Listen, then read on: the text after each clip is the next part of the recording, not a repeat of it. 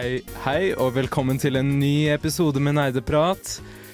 I dag har vi med oss eh, en spennende kombinasjon av folk i studio. Yes! Det er meg og Oksana som eh, vanlig. Jeg er Jakob. Ja. Og i tillegg har vi Hei, Håkon, eks-nerdeprater. Ja. For tredje uke på rad, faktisk. ja, Seriøst? Å Ja. ja. Det, det visste jeg ikke. Men Og også Miles skap nerdeprater. Miles på teknikk. Veldig kult. Vi skal snakke om hva vi har spilt i det siste. Aktung! Nerdeprat er på igjen, og dette krever din fulle oppmerksomhet. For vi snakker om de mest sofistikerte emnene i historien, nemlig videospill og andre nerdeting. Jeg sa aktung!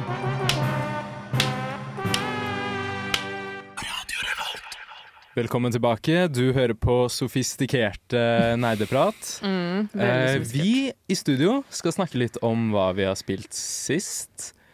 Oksana, har du lyst til å begynne? Eh, ja, jeg kan holde det short and sweet, eh, fordi jeg har bare, jeg har bare spilt Oblivion.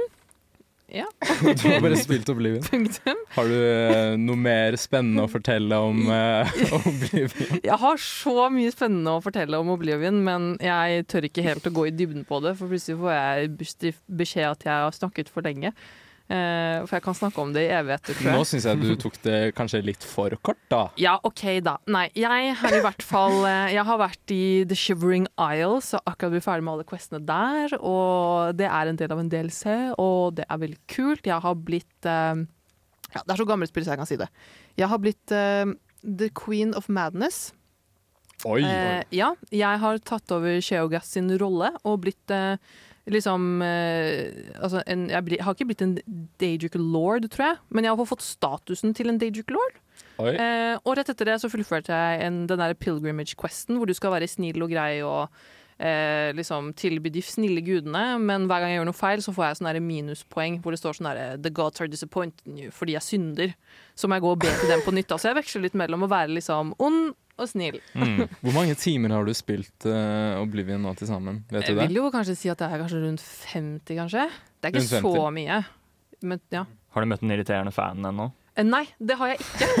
Eh, jeg har ikke møtt han, og har egentlig ikke Altså, jeg, har, jeg er jo dypt inn i subredditen til Oblivion på, på Reddit Ja. nå, eh, og hører om tips og triks, og jeg gleder meg. Jeg skjønner ikke hvordan det er. Ja, han har liksom Det går bra, du trenger ikke å møte han. Det, det, det er best om du ikke gjør det. Har du møtt han, Håkon? Ja. Nei. Men uh, annet enn det, jeg har, uh, altså jeg har sett en del Jeg har sett masse anime, faktisk. Det Oi. hadde jeg ikke tenkt over. Jeg skal ikke ramse opp alle. Solo leveling har jeg sett uh, det som har kommet ut. Ja.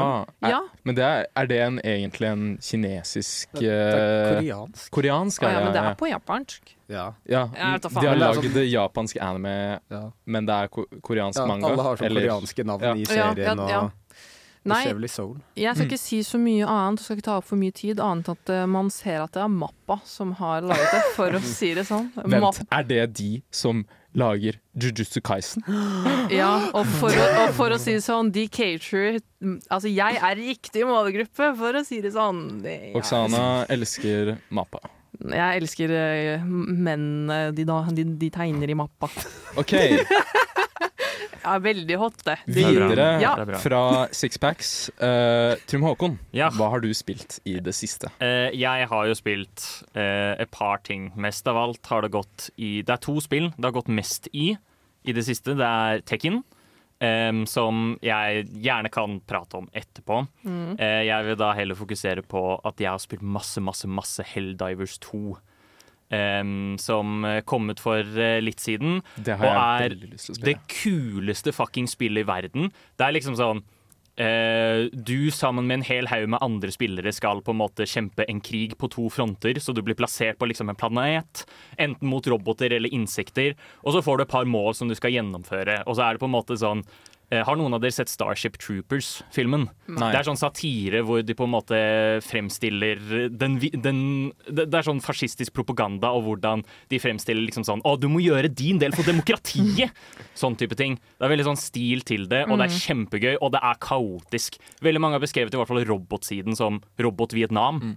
Og det er fordi du liksom går ut på en slagmark, og så fyker det lasere overalt, og du aner Du klarer ikke å se hvor det kommer fra. Eksplosjoner overalt. Det er den mest traumatiske og mest fantastiske opplevelsen jeg har hatt på, i videospill på helt utrolig lenge.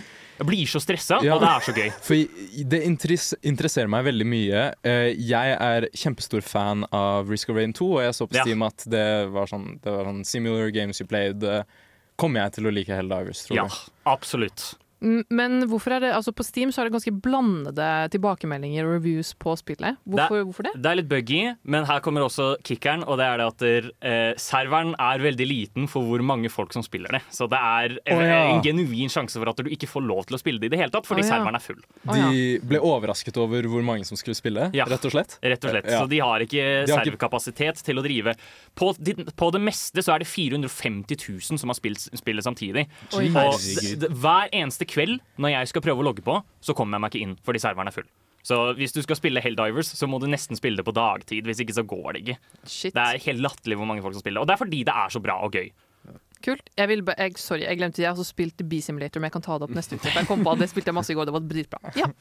Kult, kult. Jeg har nå enda mer lyst til å spille Helldivers.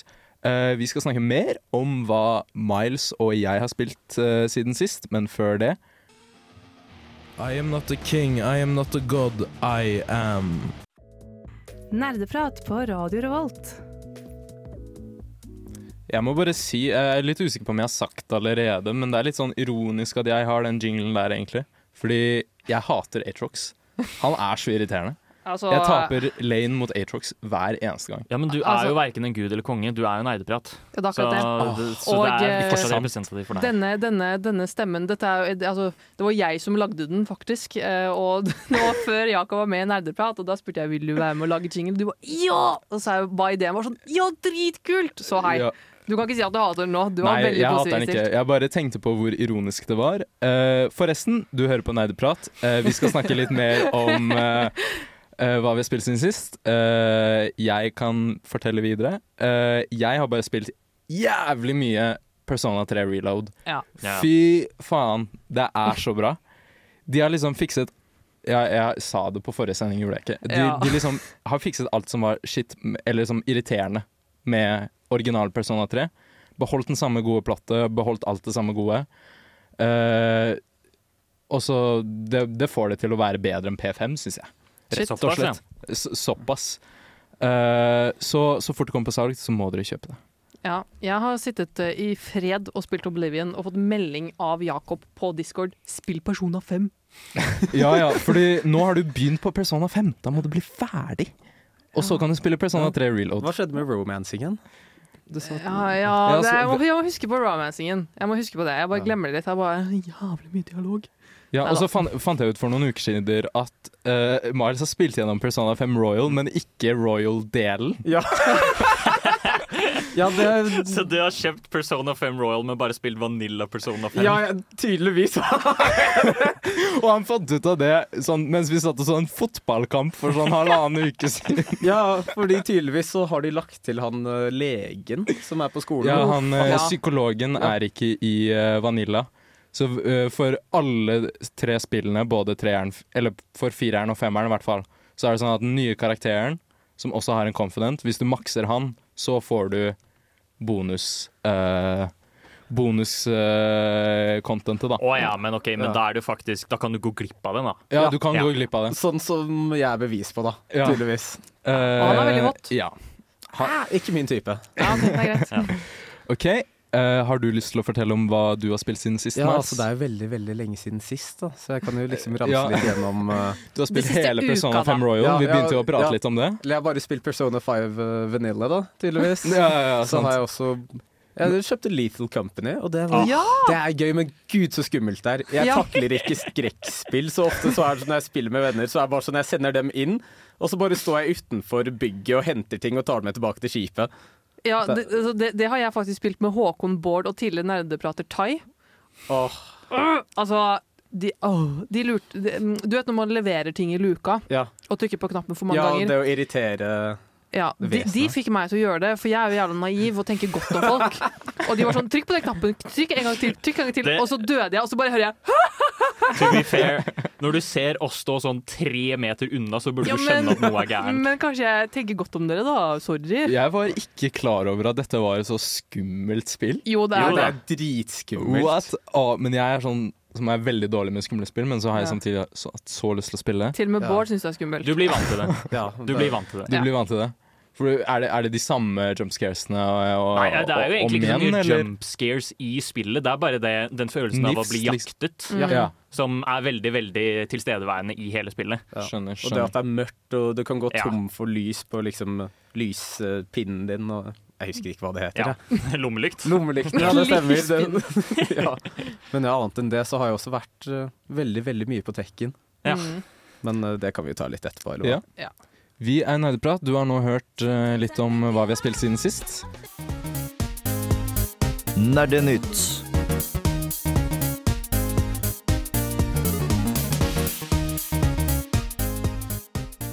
Hei, vi er Nerdeprat, og vi skal snakke om litt nerdenytt, litt nerdenyheter. Uh, jeg har fått beskjed at uh, Trym Håkon har noen nerdenyheter. Ja, i går, altså onsdag 21. februar, eh, ble det annonsert en hel haug med ting, faktisk. Det var tilfeldigvis en Nintendo Direct Partner Showcase. Oh. Um, som da annonserte noen uh, Altså, det var jo ikke så mye som skjedde der, men annonserte et par ting. Em, sånn som for eksempel Det kommer et helt nytt Monkeyball-spill. Det er ganske vilt. Og så kanskje en ting som eh, et par her vil synes høres veldig kult ut, er at det kommer uh, de, de klassiske Star Wars Battlefront-spillene skal bli gitt ut på nytt. Okay. Ja. Jeg vet ikke om dette er gammelt nytt. JP? Um, hæ? JP spørsmålstegn? Altså, de, de gamle Star Wars Battlefront-spillene, Battlefront de eh, elsket 2, som jeg spilte jævlig Ja, de, mye. De, de Battlefront-spillene som folk er glad i, ikke de nye av Dice. Nei. Um, de ikke, de, ikke, ikke de med Ewok Hunt? Nei. Nei, okay. De blir gjenlansert på Switch og alle konsoller du kan tenke deg. på en måte. Oi, Som er veldig kult. Mm. Um, men også kanskje større enn det da, av annonseringer var at i går så viste de også endelig trailer til den nye Elden Ring-DLC-en. Som er Wow. veldig, veldig Folk har ventet lenge på denne. De annonserte den for et år siden. Ja. Eh, og nå har de endelig vist eh, trailer, og da eh, dato. Det kommer 21. juni. Uh, og de har annonsert at det skal være ti nye bosser, uh, en hel haug med nye våpen, og til og med nye weapon classes. Så, så det ja. vil være masse, masse nytt å gjøre i Elden Ring, og det skal koste da 40 dollar. Som på en måte impliserer hvor mye som kommer til å være i denne innholdspakken. Som Ja. er Ja. Kult. Ja. Og det er noe å se fram til, da. Så fort jeg får bedre grafikkort enn en 960, så skal jeg spille både Ellen Ring og Baldur's Gate og alle de andre spillene. Ja. Jeg har så utrolig lyst til å spille. Uh, og så fort jeg får uh, litt mer gigabyte på PC-en min, akkurat nå har jeg cappa på 250, Ja. som ikke er så utrolig nice. En annen ting som også kan nevnes da i relasjon, om vi hopper litt tilbake igjen til denne Nintendo Direct Partner Showcasen. Det skjedde jo ikke så mye spennende der. Det ble annonsert eh, liksom en rekke spill, og noen av de litt kjent. Um, men i Japan så skjedde det noe merkelig der. Og det var at det- de annonserte at Mother 3 kommer ut til virtual console, men kun i Japan. Å ja. Og det så- er et ekstremt ettertraktet spill eh, på, i, på Ja. Vesten sin side. Folk har lengtet etter en oversettelse av Mother 3, sånn at der, man kan spille det på lovlig vis i Vesten. ja. Okay. Det, det har aldri kommet. Eh, men, men Japan på sin side har jo heller ikke fått det før nå, da. Og de har da annonsert det kun i Japans Direct, ikke i Vesten. Som betyr at det blir fortsatt ikke Mother for, 3. for eh, jeg tenker jo at Men tenker de da at det er bare Japan som vil ha dette spillet, da, eller? Nei, jeg tror ikke det. Jeg tror det bare er jeg, jeg, Det er vanskelig å si, men det kan hende at det er uh, At de ikke vil bruke ressurser på å oversette spillene. Selv om Ja. Ja, for, for som den Smash-spilleren jeg er, så vil jeg jo spille alle uh, spill som har med Smash-karakterer å gjøre. Så jeg har alltid vært nysgjerrig på hvordan Mother er. ja. På grunn av, på grunn av NES. Nei, Lucas er det, som er fra treeren. Ja. Ja, fra treeren spesifikt, ja. ja. Earthbound kan du spille, faktisk. Ja. Som da er med NES. Ja, ikke sant? Ja, og det er kjempebra. Mother-serien generelt er kjempebra, så det er egentlig bare trist og litt rart at det kommer. Men kanskje, kanskje hvis vi trygler og ber godt nok at det kommer. Mm. Så har vi også et siste stykke med nerdenytt, da. Som kommer fra Riot Jeg har denne også gangen. faktisk noe jeg vil si. Ja, Veldig kjapt. jeg, kan gå det, eller, jeg går gjennom det her veldig kjapt, da, fordi vi kommer til å snakke mer om det etterpå. Men eh, det er jo noe som heter Project L, eller det har hett et stund, som er Mhm. Riot sitt nye sånn eh, tag fighting game med League of Legends-karakterer. Så har man fått uh, offisielt navn på det. klokken fem, sånn 20 minutter siden. Oi. Det Ja. heter 2XKO. Hva syns du om navnet, Miles? altså, det gir mening. Du har to karakterer per lag. Begge skal knockes ut. Mm. Det gir mening. Jeg vet Og- ikke om det kommuniserer godt nok at det er league, da. Nei, det gjør ikke det, men jeg tror kanskje det åpner for at de har med andre ting enn league også. Ja. Er det bare, håper å si, bare top lane hele tiden? Altså er det som bare å spille top lane? På en måte? Jeg, Eksklusivt? jeg har spilt league én gang, jeg vet ikke hva det betyr.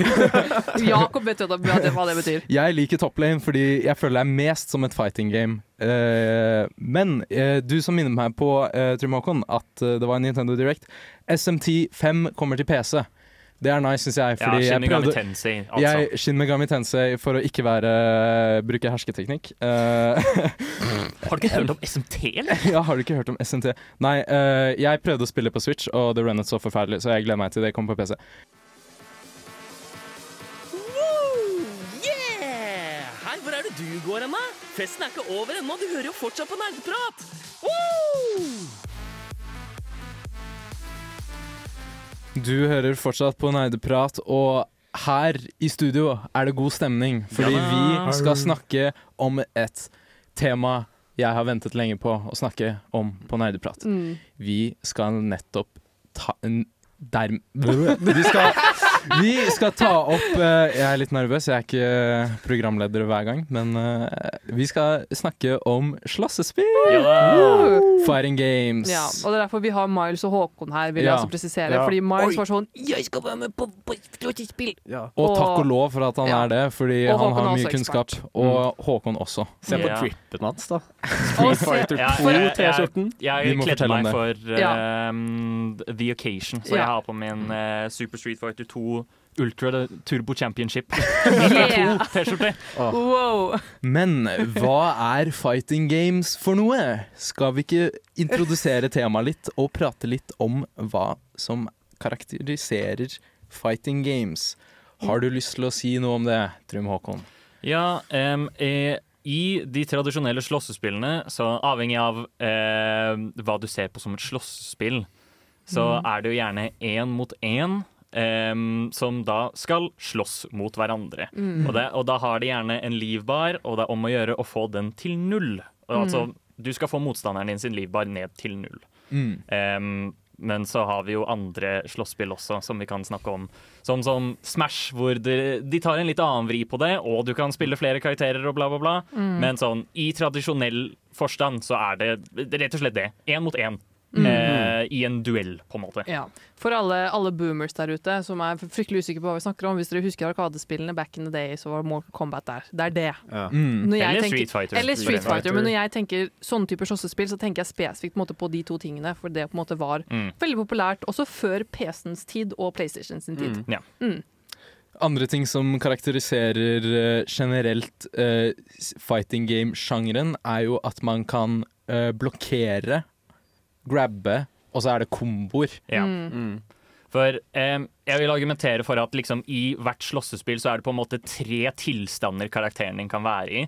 Det er nøytral, forsvar eller angrep. Mm. Og avhengig av liksom, Når du er nøytral, så har ingen overtak, og da er det bare om å gjøre å en- komme seg til angrepsstadiet. Mm. Eventuelt hvis du er en karakter som ønsker å på en måte holde nøytral så lenge du kan, ved å bare plaffe ned motstanderen din så mye du kan.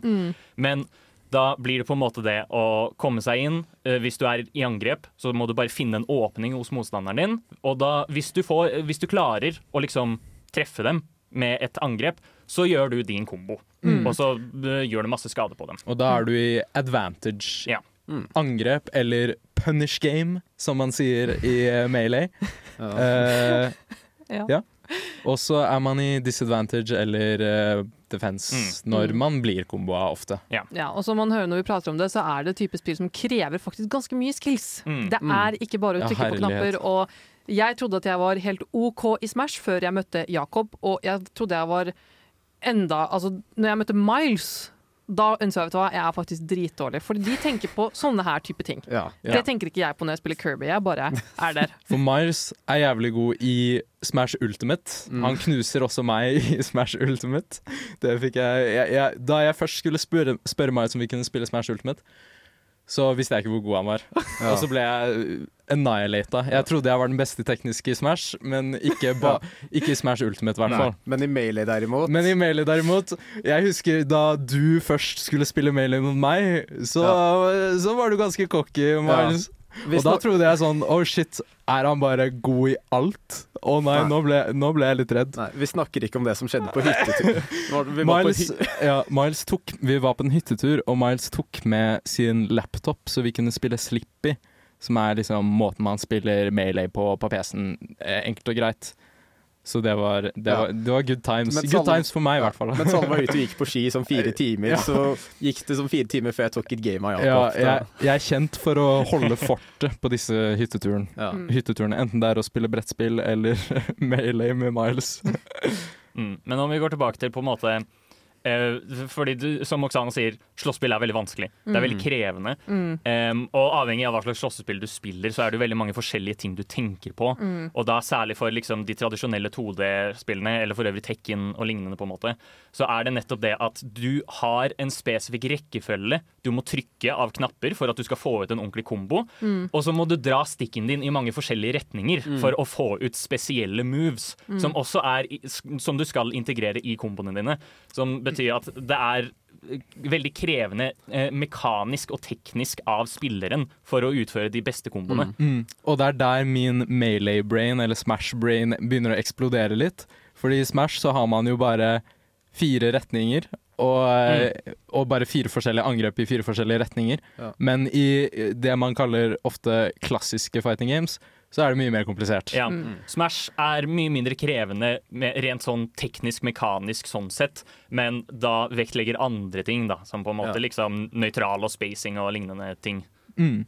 Vi skal snakke litt mer om uh, fighting game-sjangeren uh, etter en låt. Moshi Moshi nerdeprates.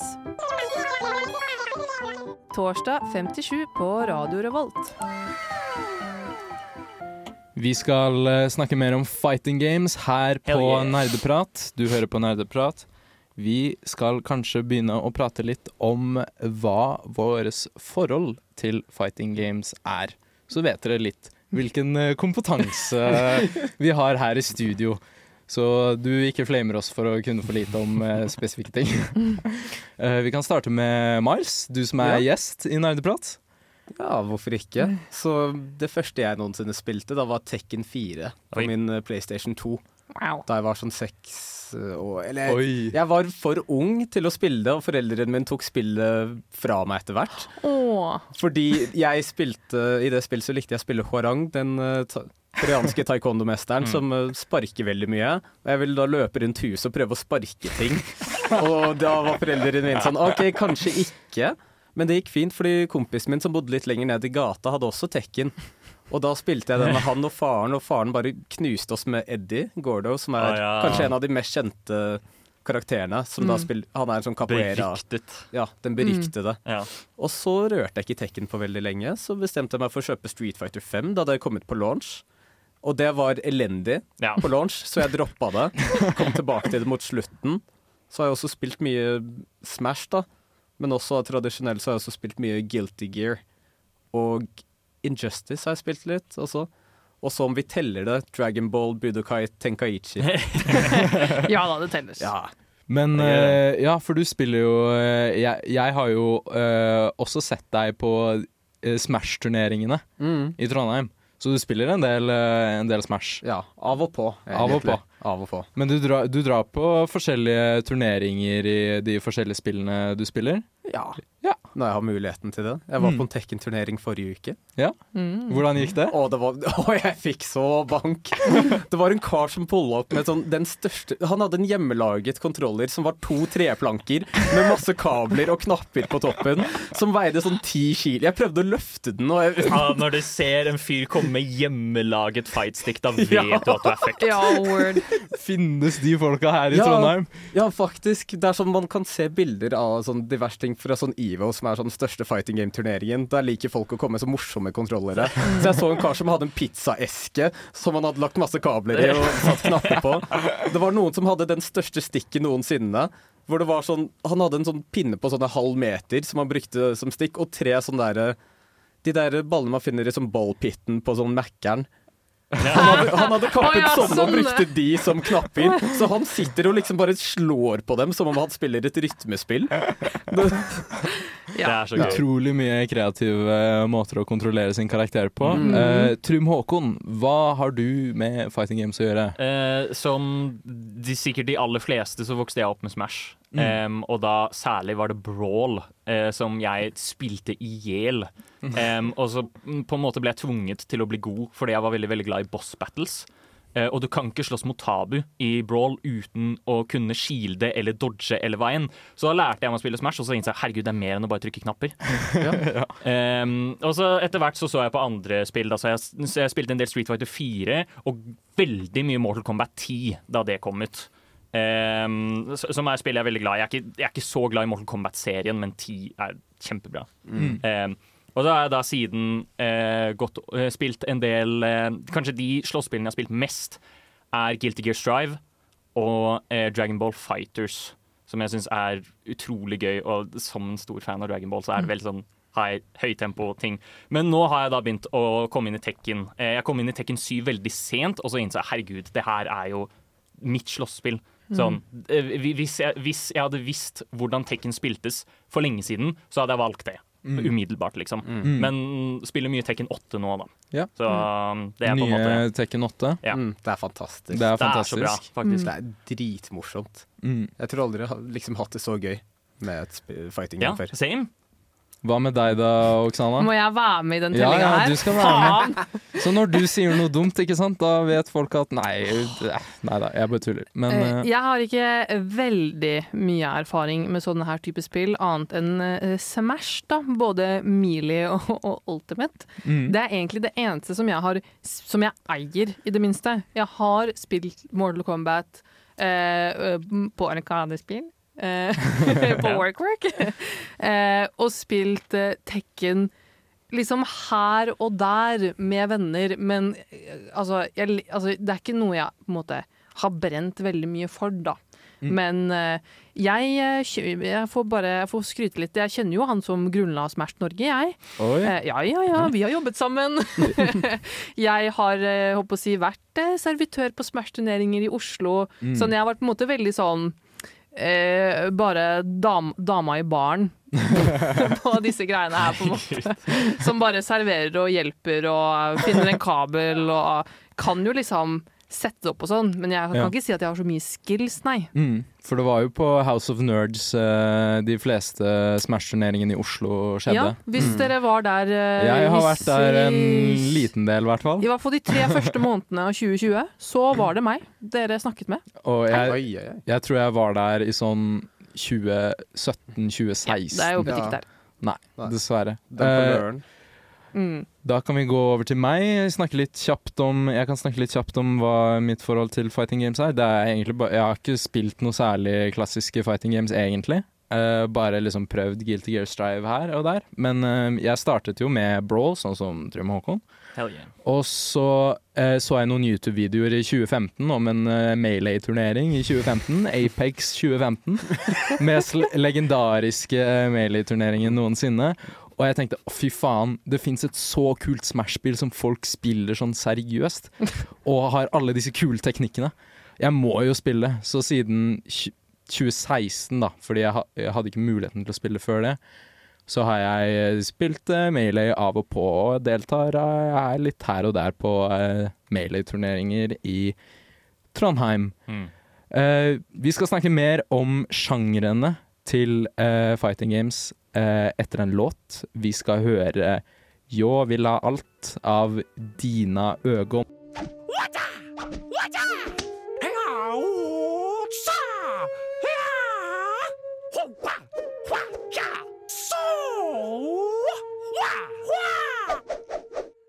Nerdeprat.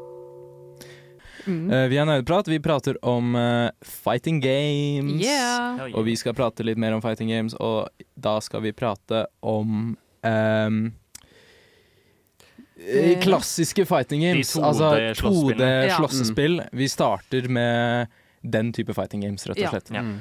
Hva har du å si om hvordan det kom til å bli? Ja. Altså, alt startet Miles. jo Sånn alt med fighting game, fighting game community starter vel mest i så- sånne old school arkader. Mm. Hvor man eh, drar innom sånn etter skolen eller etter jobb, legger inn en liten mynt for å spille, og så Mm. spiller du helt til du taper, ikke sant. Mm. Dette er eh, Det er liksom litt der det stammer fra. I hvert fall Mm. i sånn Japan, der disse spillene ble laget Mm. også. Så kan man høre Mm. masse stories om sånn salarymen som kommer etter De kommer fra kontoret, rett inn på Arkaden, sitter og sånn chainsmoker mens de spiller sånn Street Fighter, Legender. King of Fighters, Mm. sånne type ting. Ja, for det er jo der de fighting game-stikkene som Ja. eh, man bruker Mm. når man ikke bruker sånn vanlige kontroller, det er der de kommer fra. Ja, fordi det spørs litt på hvilket spill du spilte. Noen av dem eh, bruker fire knapper, andre bruker seks, bla, bla, bla. Men så har de alltid sånn den ene stikken på venstresiden, Mm. og så knapper.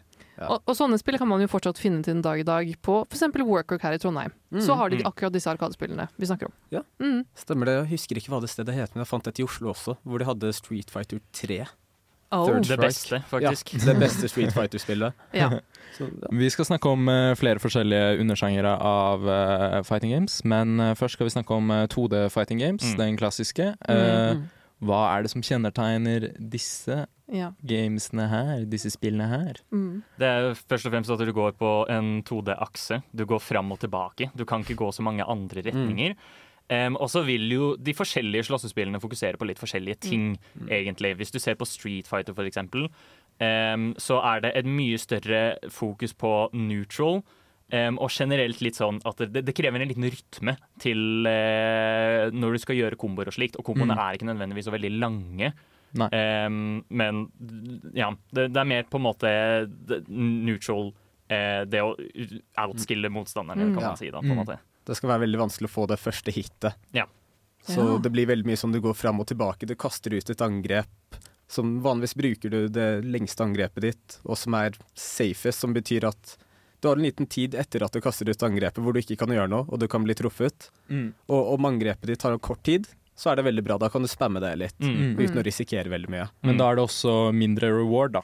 Ja, som Så det oftest. er low risk, low reward, og så finnes det angrep som er eh, high risk, Ja. eh, high reward. Ja, men det er gjerne altså, I Street Fighter så er gjerne rundene litt eh, De er på en måte litt sånn Ikke så veldig raskt, men du gjør mye skade med angrepene dine når du Mm. først lander dem. Ja. Fordi det, er, det skal føles ut som en gatekamp, da, kan du på en måte si. Om vi tar Street fight. Ja. ja, Åh, Oi, det, ja. og man tar det fra litt sånn og, og liksom hvis man ser tilbake på historien, på en måte, så var det jo liksom Det var Street Fighter 2 da det kom ut, da Fighting Games virkelig ble en stor Mm. greie. Det var da det blåste opp um, og liksom ble en ekte sjanger. Men så kom jo etter hvert også et annet veldig anerkjent 2D-spill som heter Mortal Kombat. Mm. Mm. Som også veldig mange har spilt. Og sånn, Hvis du ser på det Mortal Kombat i dag, så er det på en måte Du ser jo likhetstrekk i hvordan de spilles, men Mortal Kombat har på en måte litt eh, snillere input-ting. Og mye mer combo-heavy spillestil. Mm. Ja. Fordi det var jo sånn, det var jo Capcom som eh, liksom kom, var først på ballen, da. Med Ja. Street Fighter. Så skulle alle de andre 90-talls sånn, uh, selskapene som drev og lagde spill, de ville også inn på det her. Mm. Og da fikk man veldig mange variasjoner, og alle ville gjøre det litt annerledes Mm. også. Eh, hvis, dere, hvis dere som har peiling eh, skulle ha anbefalt f.eks. til meg, da, som da har relativt lite erfaring i selve slåssingen i disse spillene, hva vil, altså, vil da anbefalt meg Tekken eller Mortal Kombat? Ing Nei, eller, eller Street Street Fighter. Fighter jeg, vil, ja. jeg ville sagt Street Fighter, og Ja. det nyeste. Fordi det er noe som liksom, vi nevnte litt i sted, som lenge har vært en barriere. Er liksom det å forstå hvordan du skal gjøre alle angrepene og sånt. Og Mm. Det er veldig krevende, men de nyere spillene som har kommet ut, sånn blant de store selskapene, har hatt fokus på liksom eh, gjøre det litt enklere å komme inn i Mm. det. Ja. Mm. Som vanligvis uh, har vi hatt den der kontrollmåten som vi snakka om, de har kommet med noe som heter Mm. modern controls på Street Fight Ja. 6. Hvor kontrollene fungerer mer som i Smash. Åh, Hvor du har én knapp for specials, én knapp for normals Mm. og sånt. Der er tanken også at når du bruker liksom eh, modern controls, så vil du ikke få like mye kombopotensial, men du kan fortsatt gjøre masse fancy ting okay. med modern controls. Ja. Mm. Det er jo også sånn at det nye league eh, fighting-spillet Det prøver også å senke den eh, Ja. grensen, Mm. uh, entry-barrieren Ja. litt, eller gjøre den litt snillere, da. Ja, Ja. for det er Mm. fint dere sier, fordi at for meg som ja, ikke er så inni det her, så virker det som at det er liksom at jeg har, jeg har inntrykk av at det er så vanskelig å komme inn i. Ja. På en måte At du Mm. må liksom ha vært mm. Ja. Miles som har spilt det siden han var seks år, liksom. Ja. Og vært sjukt nerd på det, liksom. Jeg kan på en måte ikke hoppe i det nå som en 25 år gammel voksen kvinne. Og det har vel tradisjonelt vært litt sånn, har det Ja. ikke? Ja, Det er generelt et gjengående ting, som, det er, og det er et problem som prøver å fikses. Men det er fortsatt ikke uh, en spillsjanger du kan bare hoppe inn i og bli god på umiddelbart. Nei. Du må spille det jævla mye for å faktisk kunne klare å mestre det. Og det gjelder også, og selv om Street Fighter kanskje er et av de enkleste, så er det fortsatt ekstremt eh, presise inputs og sånn som kreves der, på en måte. Du må presse det i en viss rytme, liksom. Mm.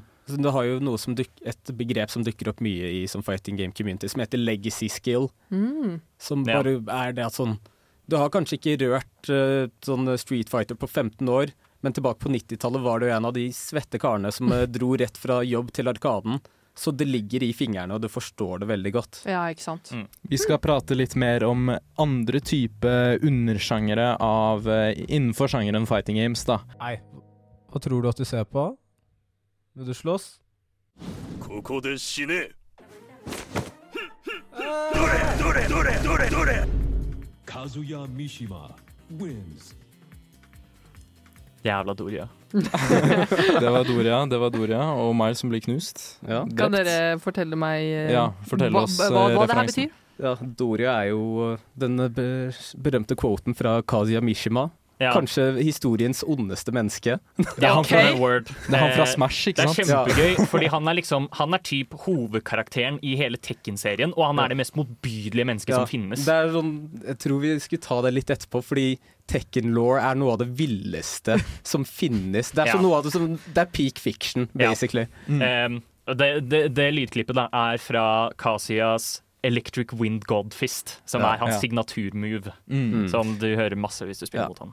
Som du kanskje har skjønt, så er vi nerdeprat. Eller hvis du ikke, hvis du ikke skjønte det, så er vi nerdeprat. Vi prater om eh? Ja, Vi prater om eh, fighting games, eh, og vi skal prate litt mer om en annen undersjanger enn det vi gjorde før låten. Vi skal prate om eh, 3D fighting games, og da passet, var, var jo denne jinglen veldig passende. For hva, er ikke Tekken et 3D fighting game? Jo. Jo, eh, det er jo det, men jeg vil fortsatt argumentere for at det spilles veldig mye som et tradisjonelt 2D-slåssespill gjør.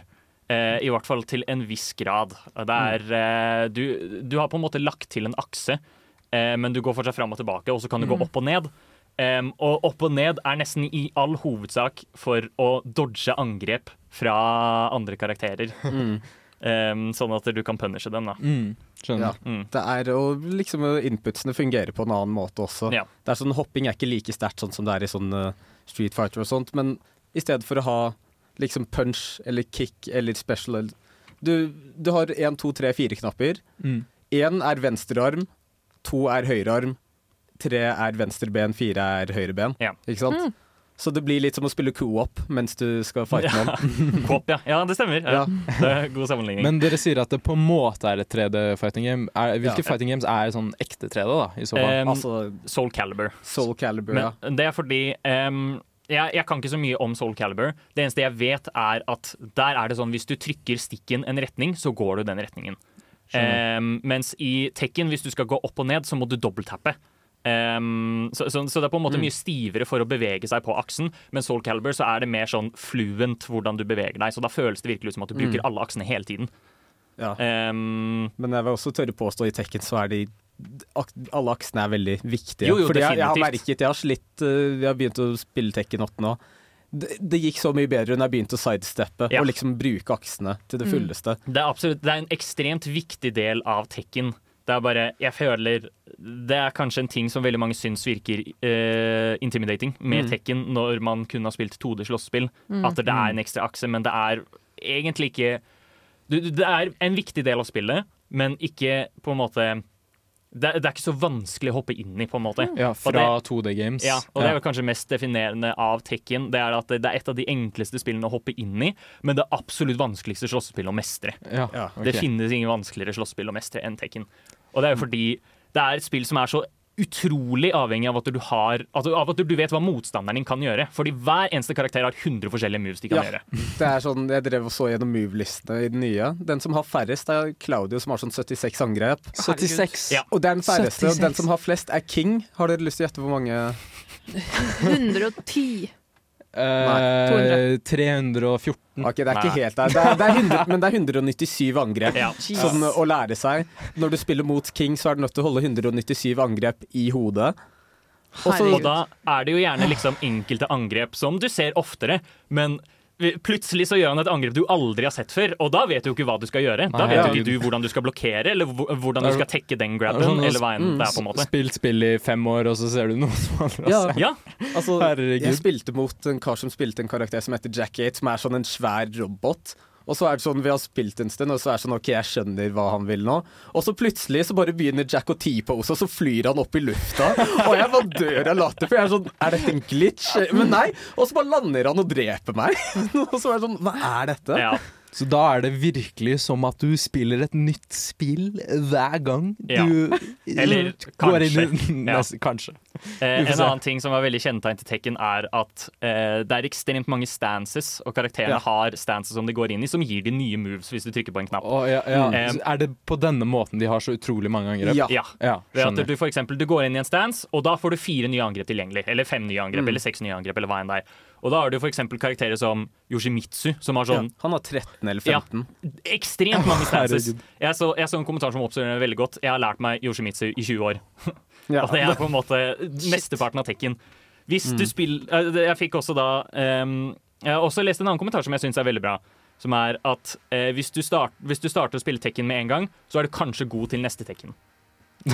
kanskje. Ja. Bare kanskje. Eh, En fun fact fra Mr. Maley Jakob her. Uh, Maley har faktisk en Z-akse. Fun fact. Yeah. Nå som vi snakket om akser. Ja. Det visste ikke jeg, men det har det tydeligvis. Uh, vi skal høre en låt. Uh, vi skal høre 'Evig penger' av Aktiv dødshjelp.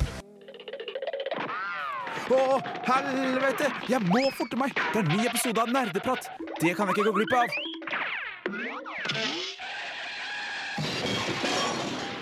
Du hører på Nerdeprat. Vi prater om fighting games, og vi går videre med en eh, ny undersjanger av eh, fighting games-sjangeren.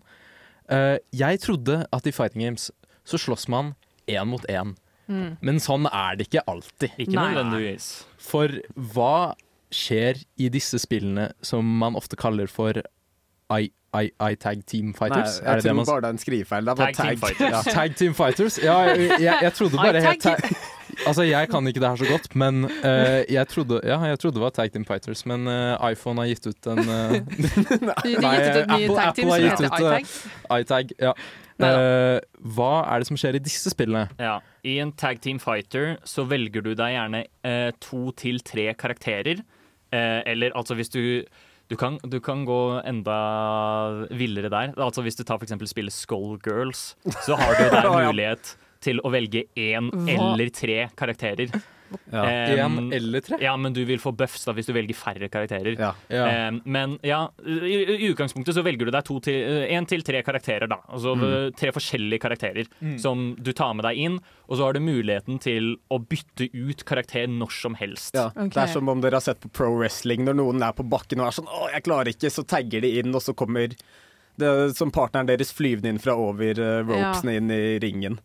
Men i fighting games så er det jo matchups. Noen karakterer er bedre mot andre og dårligere mot andre. Mm. Uh, hvordan fungerer det i disse spillene, hvor man kan bytte karakterer og velge flere karakterer? Vil man ikke ende opp med å bare bytte hele tiden, da? Eller hvordan Mm, eh, ofte så er det litt sånn der limitations på hvor ofte man kan Ja. bytte, for ja, det, eksempel. det, det er gjerne en cooldown på eh, liksom Altså, det som kjennetegner tag teams, er jo gjerne at eh, hvis du har dem bak, altså mens eh, karakterene dine ikke er ute på banen, så kan du enten bytte dem inn, eller så kan du calle dem ut for et assist move. Eh, og hvis du bruker et assist move, eller du tagger inn, så er eh, den karakteren på en kort cooldown der du ikke kan bytte dem inn, eller Skjønner. ikke bruke dems assist. Så du bruker eh, Ja, så de bru du bruker dem som en ressurs, da. Ja. Som du okay. må spare på. Ja. Ja. Så det er sånn som i Ultimate Ninja Store.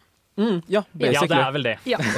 Og så har alle en health bar, og så vinner du når du har tatt alle tre Ja. okay. Karakterene til motstanderen. Og da er det jo gjerne sånne systemer at eh, hvis karakteren din har mistet en del liv, men du tagger dem ut, så kan de få litt liv tilbake igjen, Mm. sånn at de blir litt sterkere når de kommer ut Ja, igjen. Så det blir på en måte en, en lang kamp der du bare skal eh, ta ned motstanderen din sakte, men sikkert. Fordi mest sannsynlig vil de bytte ut, og mest sannsynlig vil de få tilbake litt liv. Og så har du mulighet til å bytte miniene. Ja. Ja. Og vi, altså, vi drev og snakka litt om det før sending og så på kanskje det mest kjente eksempelet på Ja. dette. Ultimate Marvel versus Capcom 3. Som Okay. det, er, det er et interessant spill. Det er a crossover mellom Marvel-karakterer og Capcom-karakterer, der de slåss. Ja, okay. og så velger du deg tre karakterer. Eh, altså, du har også Marvel vs. Capcom 2, som er veldig elsket, men da Marvel vs. Capcom 3 er jo kanskje det mest kjente eksempelet, fordi det er virkelig ikke en mer ødelagt slåssespill enn det. Det Og hva, men, hva mener du med det? det er så mange forskjellige karakterer, og enkelte av de er helt ubrukelige, mens andre kan gjøre absolutt alt. Mm, Hva altså- enn du vil, de kan gjøre det. Altså, Liksom. det, er sånn, det virker som de har sammenlagt brukt to timer på playtesting før de shippa ut spillet. Liksom. Det er, eh, Vi drev og så på sånn broken ting, og det var en sånn ti minutter lang video, halvparten av det var kun på én karakter, liksom. Mm. Men, men, er dette bra eller dårlig for spillet? Det er dritgøy. alle er med på vitsen, Ja. på en måte. Så alle spiller Marvel vs. Capcom 3, vel vitende at det er et ødelagt mess. Ja. Mm. Og det er også litt fordi de tidligere var også litt ødelagte, som vi Ja. så denne How to do an infinite Wanna uh, learn how to do a fucking infinite! Me uh, Mailebrain Jakob uh, slenger inn en kommentar. Uh, det var jo også derfor uh, Melee ble så populært, vil jeg da Ja. påstå. At, eh, fordi det, de brukte ikke så fryktelig lang tid på å lage det spillet. Så Ja. Men det Mm. mye exploits, da. Ja. Ja. Mm. En annen veldig anerkjent eh, det, det har i hvert fall blitt ganske anerkjent, er jo Dragon Ball Fighters, Ja. som nevnt. Som da på en måte er en slags eh, ordentlig eh, anime fighter, om man kan Mm. kalle det det. Hvor hvor det er sånn ekstremt lange flashy kombos. Du får sånn 40 hits på komboer og sånn type ting. Men og, og det føles veldig ut som Dragon Ball, hvor du også da velger deg tre forskjellige Dragon Ball-karakterer som du skal bytte Ja. inn og ut med. Halvparten av dem er Goku. Ja, eller Vegeta. ja, som null kødd. Vi skal snakke mer om eh, turneringskulturen til fighting game, eller fighting game community. Martin, gutten min, du må komme deg middag! Å, mamma! Jeg kan ikke sette på pause nå! Jeg er midt i en heftig episode av Nerdeprat!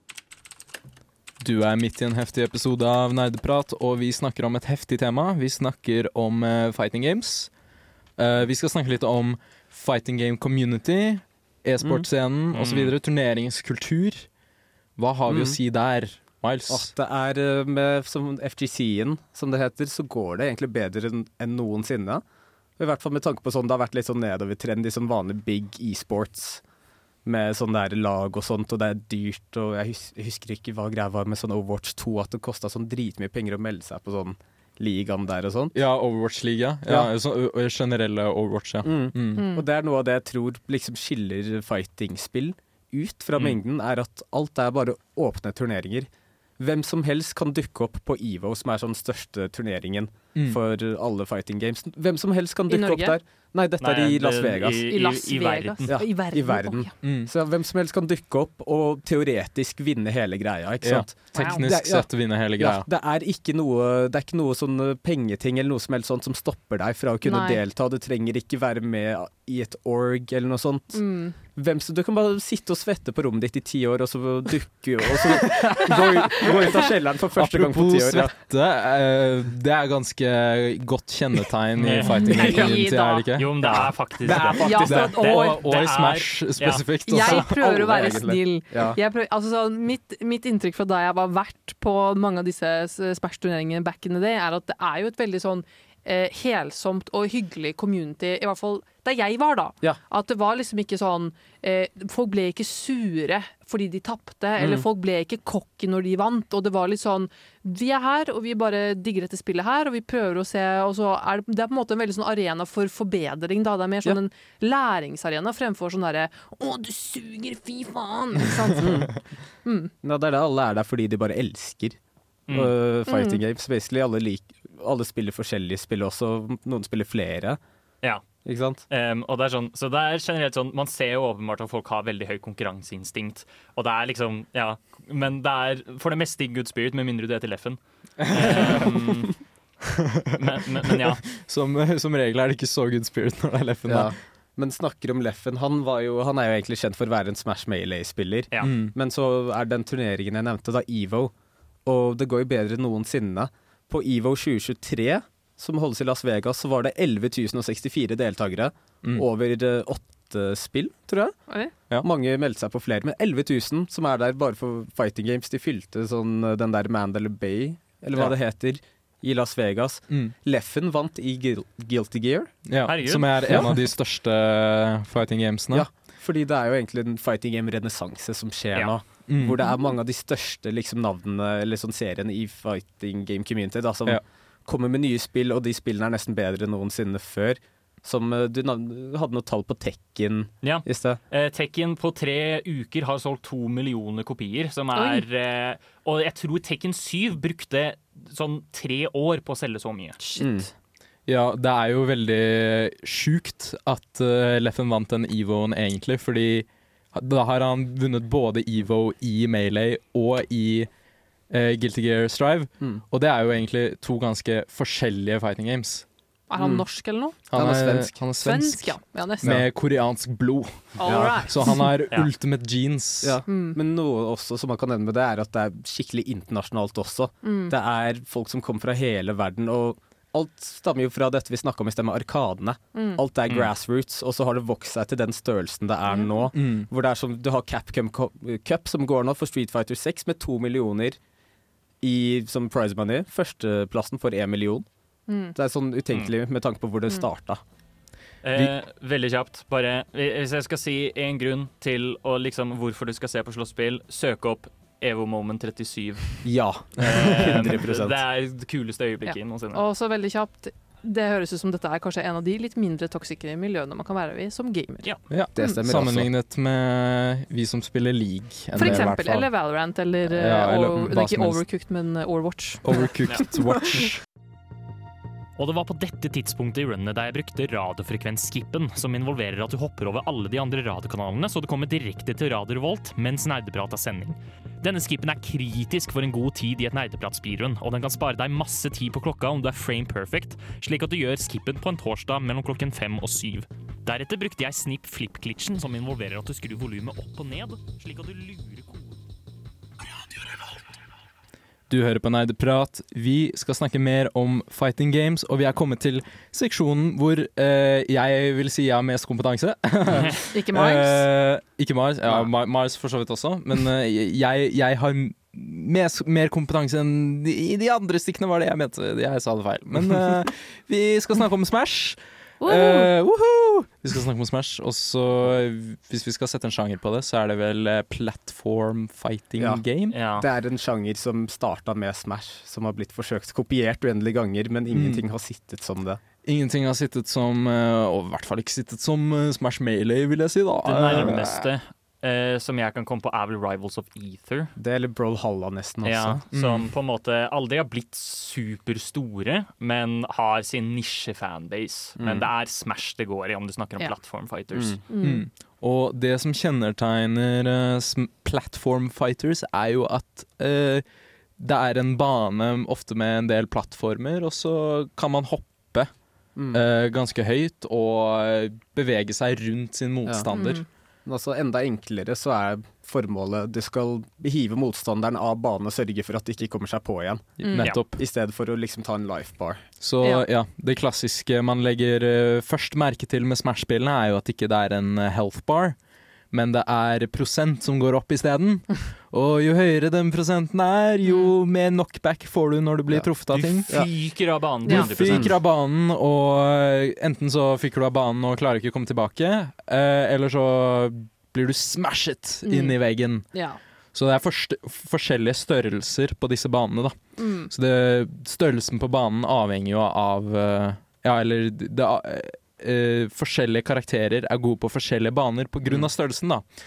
Så Fox, for eksempel, som liker å drepe karakterer uh, i toppen av banen, liker å spille på baner som har lavt tak, da, for eksempel. Eh, er det riktig å si at dette er en av de fighting-spillene som i hvert fall tillater å bruke items, eller har items som Ja. en mulighet? Altså, det er det, da. Fordi det er jo egentlig veldig sånn uh, alltid opp i lufta. Spørs hvem du spør om uh, Smash er et fighting game, egentlig. Mm. Fordi Ja. det er ikke tradisjonelt sånn arkade-fighting game som Nei. de vi har snakket om i sted.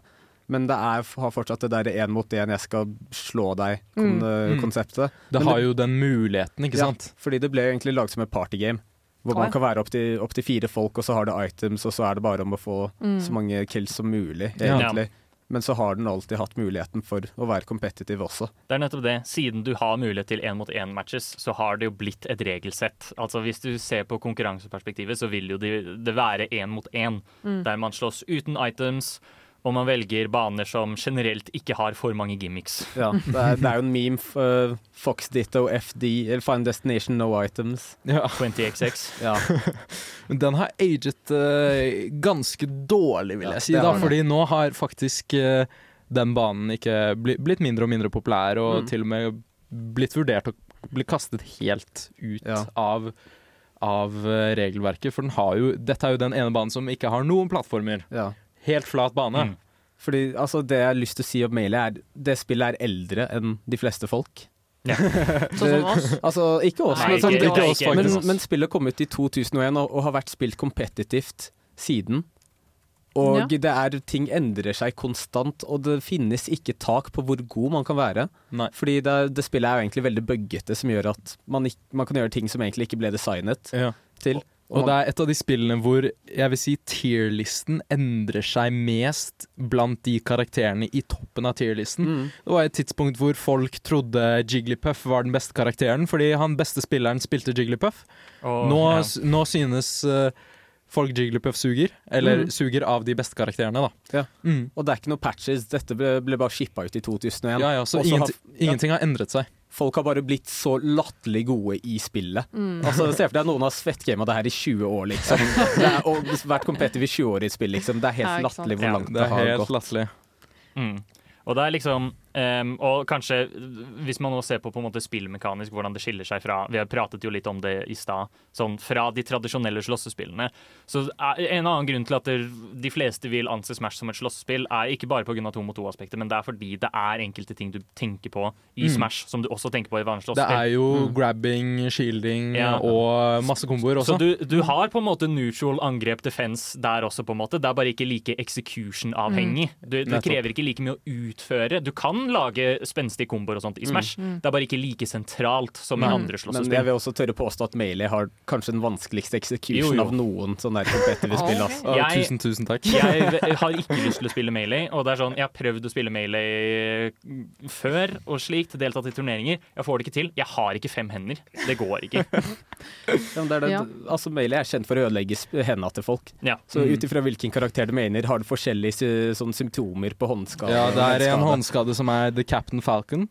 Som du får når du spiller for mye Captain Falcon, eller spiller Captain Falcon eh, gjør dette angrepet på Captain Falcon for mye i en for dårlig stil. Og det, det, er, det er legit uh, folk som uh, jobber med å fikse hender. med liksom leddhelse, som har sponset turneringer.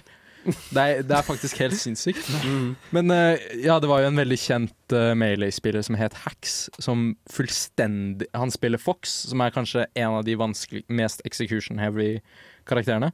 Og han fullstendig ødela hånda si. Shit. Så det er derfor også mange uh, For man har jo tradisjonelt spilt på GameCube-kontrollere, Mm. men de er ikke uh, man mener at de ikke er så gode ergonomisk. Mm. Uh, så det er derfor mange har gått over til sånn mer sånn fight stick.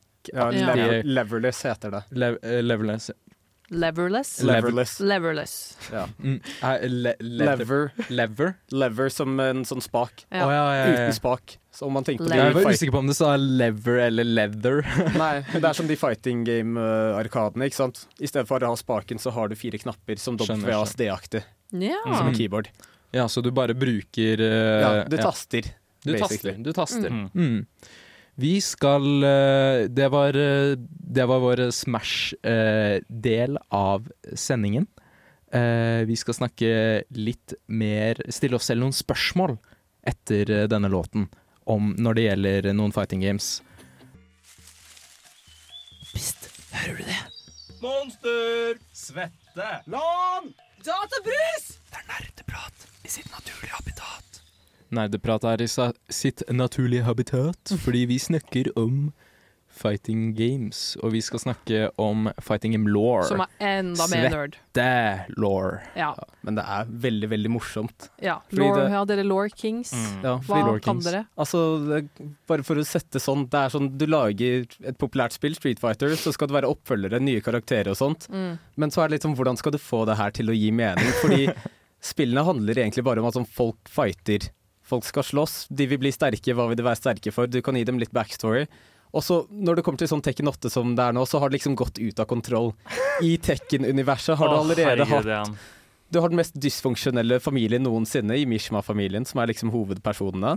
I første spill så er det Heihachi, som Ja. er bestefar, la oss si. Bestefar. Han er ond. Ja. Han er ond, han er slem. Han kastet sin sønn Kasia av en klippe i en alder av fem for å se om han var sterk nok. Kasia var det. Det er jævla alfa, da. ja, og han kommer tilbake fordi Heihachi har startet The King of Iron Fist Tournament. Og da har han mulighet for å banke Heihachi. Han gjør det, kaster faren sin ned i en klippe, tar over selskapet hans. ja, og han blir bare får lov til å ta over selskapet, bare Ja. sånn uten videre. Ja. det er det som er premien om du vinner turneringen. Og så blir han også ond, fordi Kasia er også djevelen. OK. Han er Ja. djevelen, og Kasia har en sønn som heter Jin, som også er djevelen. Okay. Og han hater også faren sin, så i treeren så kommer Jin og skal fighte Kasia og ta over selskapet. Og så tror jeg det er sånn, det fortsetter litt sånn. Og i Tekken 6 så starter Jin tredje verdenskrig. Ja. Fordi han prøver å bli kvitt de, Han vil drepe djevelen ved å starte tredje verdenskrig. Ja. Det, er- det er sånn, eh, Etter Tekken 5 så beseirer han faren til Heihachi, som startet King of Iron Fist-turneringen, fordi han kommer tilbake som et spøkelse, og han vil bare dø, og så vinner Jin automatisk turneringen. Og da starter han naturligvis tredje verdenskrig. Ikke sant. Etter det, liksom. Og han skal være den snille karakteren. Tekken 8-historien insisterer på at Jin er snill, men han Ja. starter tredje verdenskrig. Han er snill, men han starter i verdenskrig Og dette er bare hovedfamilien. Så har vi sidekarakterer også som Bjørnen, som egentlig også er Mishima, egentlig. Ja. Fordi Heihachi, han eh, slemme faren, som har også beste hår noensinne Han, han, Han eh, jo, hva gjorde han? Han hatet alle barna sine, men den ene han elsket, var en bjørn han adopterte, som han kalte Kuma. Kuma betyr bare bjørn på japansk. Ja. Og denne, denne bjørnen lærte han uh, Mishima-style martial arts. Ja. Og så dør uh, Kuma, men Kuma har en sønn som tar opp beefen med en kar som heter Paul, som uh, tapte til bjørnen i eh, første turneringen. Så dette er en beef Det er en mann som har hatt beef med bjørner gjennom åtte spill. Det er, Ja. Oh my det, God. det er så mange rare karakterer, og de har liksom ja. Så har vi sånn Alex og Jack Og du har en kenguru, Han, så, Også, ja, Kenguruen heter Roger. Roger. Og han er da tydeligvis eh, Det visste ikke jeg, at han er òg en ekstremt viktig del av et annet helsideplott Ja, for å ta over verden. Ikke sant? Ja. Og så ble DNA-et hans implantert i en eh, dinosaur som heter Alex.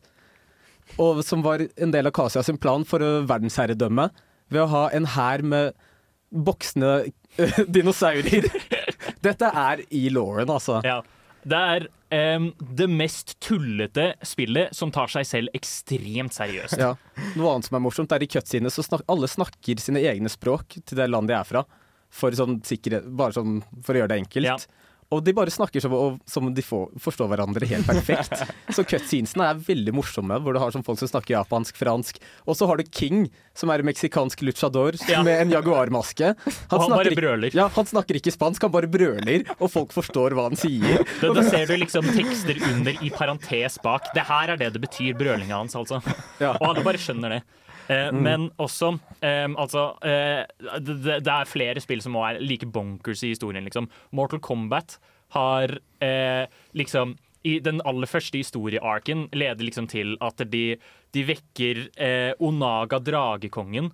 Shao Kahn, er en, som er hovedskurken generelt, har et desperat forsøk om å prøve å liksom komme seg inn på jorden ved å arrangere turneringen Mortal Kombat. Eh, og så leder det til at det liksom det, det skjer så mange wacky ting hvor til slutt så bare dør alle sammen. Og så Raiden, som da er tordenguden, hovedkarakteren, sender da en visjon tilbake til sitt tidligere selv, sånn at han kan restarte hele linjen. Og da er det Mortal Kombat 9, som egentlig er Mortal Kombat 1. Em, som da går ned en ny tidslinje. Og i Mortal Kombat 11 så henter de igjen karakterer fra fortiden og framtiden og sånt, hvor du igjen til slutt får en reset. Så nå har du Mortal Kombat 1 på nytt. Ja, og så vil jeg også nevne et spill som heter Guilty Gear, som også har helt insane law, bare for å gi et eksempel på noe som skjer i den serien.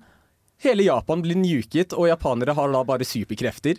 Ja. Og så har du en karakter som heter Chip, som er en amerikansk tidligere drug dealer, som er canonically en weeaboo. Og han, og han, det det eh, tar-. Og han, til, han tar, gjør et statskupp i et afrikansk land og kaller det Chipland og prøver å gjøre det om til Japan. ja, Det er så bra. Det er en karakter som er weeaboo. Han er ikke japansk, han er weeaboo. Han Ja. er amerikansk. Ja, han er en tidligere amerikansk drug addict. og så har du mye annet. Du har sånn gears i det spillet, og monstre og alt mulig. Jeg anbefaler å bare gå på YouTube og finne videoer som snakker om law for fighting Veldig, games. veldig gøy. Har du noen gang lurt på hvilken Melee-karakter nerdeprat burde mene? Det Ja. får du vite etter låten Når innså du at du var en gamer? Dersom du kunne spilt kun et spill i et år Hva er det eldste spillet i backloggen din? Hva har du lært fra spill som du har fått nyte av i Er det et spill som har hjulpet deg gjennom en tung periode av ditt liv? Hva er ukas spørsmål? Velkommen til ukas spørsmål. Du hører på Nerdprat. Uh, vi har snakket om fighting games, Mm. så uh, i denne versjonen av ukas spørsmål så har vi uh, gått gjennom en nettside som heter mailaymain.com, hvor du, du, du skal svare på en rekke spørsmål, og så forteller han deg hvilken Melee-karakter du da burde mene. Mm. Så vi kan starte med Miles. Jeg gjetter Hvis vi da alle gjetter Mm. først, prøver å tenke hva er det Ja. Miles, og så sier han det. Og så går vi tur for tur. Ja. Eh, Miles, jeg gjetter at du fikk Luigi. Eh, jeg gjetter Yoshi. Jeg er ikke veldig kjent med ditt game. Jeg vi sier Marth. Jeg fikk Luigi. Ja. Det er helt Oh, riktig. Et, et poeng til meg. Et poeng til meg. Mm. OK. Mm. ok Uh, Trym Håkon, jeg gjetter uh, Jeg gjetter uh, Peach på deg, jeg. Eh, jeg tror jeg gjetter Ness. Jeg gjetter Mewtwo. Jeg er fornærmet over Ness-gjettingen, forresten. eh, ingen av dere hadde rett. Eh, jeg fikk Mr. Game Watch. Cringe! Jeg syns det er gøy fordi eh, da jeg prøvde den korte tiden jeg prøvde å spille Melee-konkurranse, så valgte jeg Game Watch bare på kødd. Vet du, hva, hva, vet du hva som er fucka med Game Watch i Melee? Hva da? At skjoldet hans bare ikke funker. Ja, jeg vet. Ja. Jeg er veldig klar over hvor dårlig Game Watch Ja. er, men jeg syns han er moro. OK, Oksana. Uh, Ja. Jeg gjetter um, Jeg heter Marth på deg. Okay. Altså, du er så glad i han, så jeg sier Kirby. Okay. Jeg, da gjetter jeg Pikachu. Nei, jeg fikk Samus. Samus. det er i hvert fall cringe. Hvorfor det? Samus er ganske lame. Hæ? Jeg syns Samus er eh, kul, jeg. Samus er lame, men også kul. Det spørs hvordan uh, jeg, Det spørs hvordan du spiller henne. Ja. Eh, jeg, jeg, spiller, jeg spiller Samus, uh, men det er fordi jeg syns hun er en floaty, og det syns jeg er gøy. Mm. Ja, Jeg tror okay. eh, Det er mange som syns Samus er litt lame, men eh, Samus eh, er ganske dårlig i Melee. Så, eh, Ja så på den måten så blir, er Samus ikke mid-tier, med. er hun ikke? Jo, men dårlig De av de, som spiller, de Ja. karakterene som spiller en del. Ja. Ja. Hva med Eh, deg da, Jakob? Ja, bare bare gjette, da. Um, men hvis da Så eh, Fox. eh, Og Ice Climbers. Yeah. Ice Climbers. Altså, jeg bare gjetter er mainen din, Falco. Du gjetter din, Falco. Ikke si du fikk Yoshi eller noe. Nei, jeg fikk Falco. Ja, ok, jeg tenkte meg det. Tenk. Så eh, ett poeng til meg, ett poeng til Miles. Delt førsteplass. La oss ikke settle it i en 1v1, vær så snill. eh, ikke? Ja, men Jo, det er, det er jo nå vi skal spille Melee, fordi det blir uavgjort. Hva faen? Vi skal nå høre fra en mann som er veldig langt unna hva han syns om programmet Nerdeprat på Radio Revolt. Nerdeprat er veldig gøy! Vi snakker om nerdeting og dataspill! Sånt liker jeg! Ja. Vi har snakket om uh, fighting games i dag, men vi er dessverre ferdig med å prate om fighting games. Når er del to, da? Vi Når er- burde ja, ha en eh, sending om, eh, om law, hører jeg. Ja, bare fighting Det hadde vært helt mulig, det. Ja. Det hadde vært helt mulig, og Lover jeg ikke. gleder meg til den sendingen. Uh, hvis du har hørt hele veien, tusen takk for at du hørte. Tusen takk for Miles, som var gjest og tekniker. Yeah. Tusen takk til Hå Trym Håkon. Oksana, tusen takk til deg òg. Ja, Og jeg er Jakob, og du skal høre 'Textured Walk' av uh, Ratu. Ha det bra!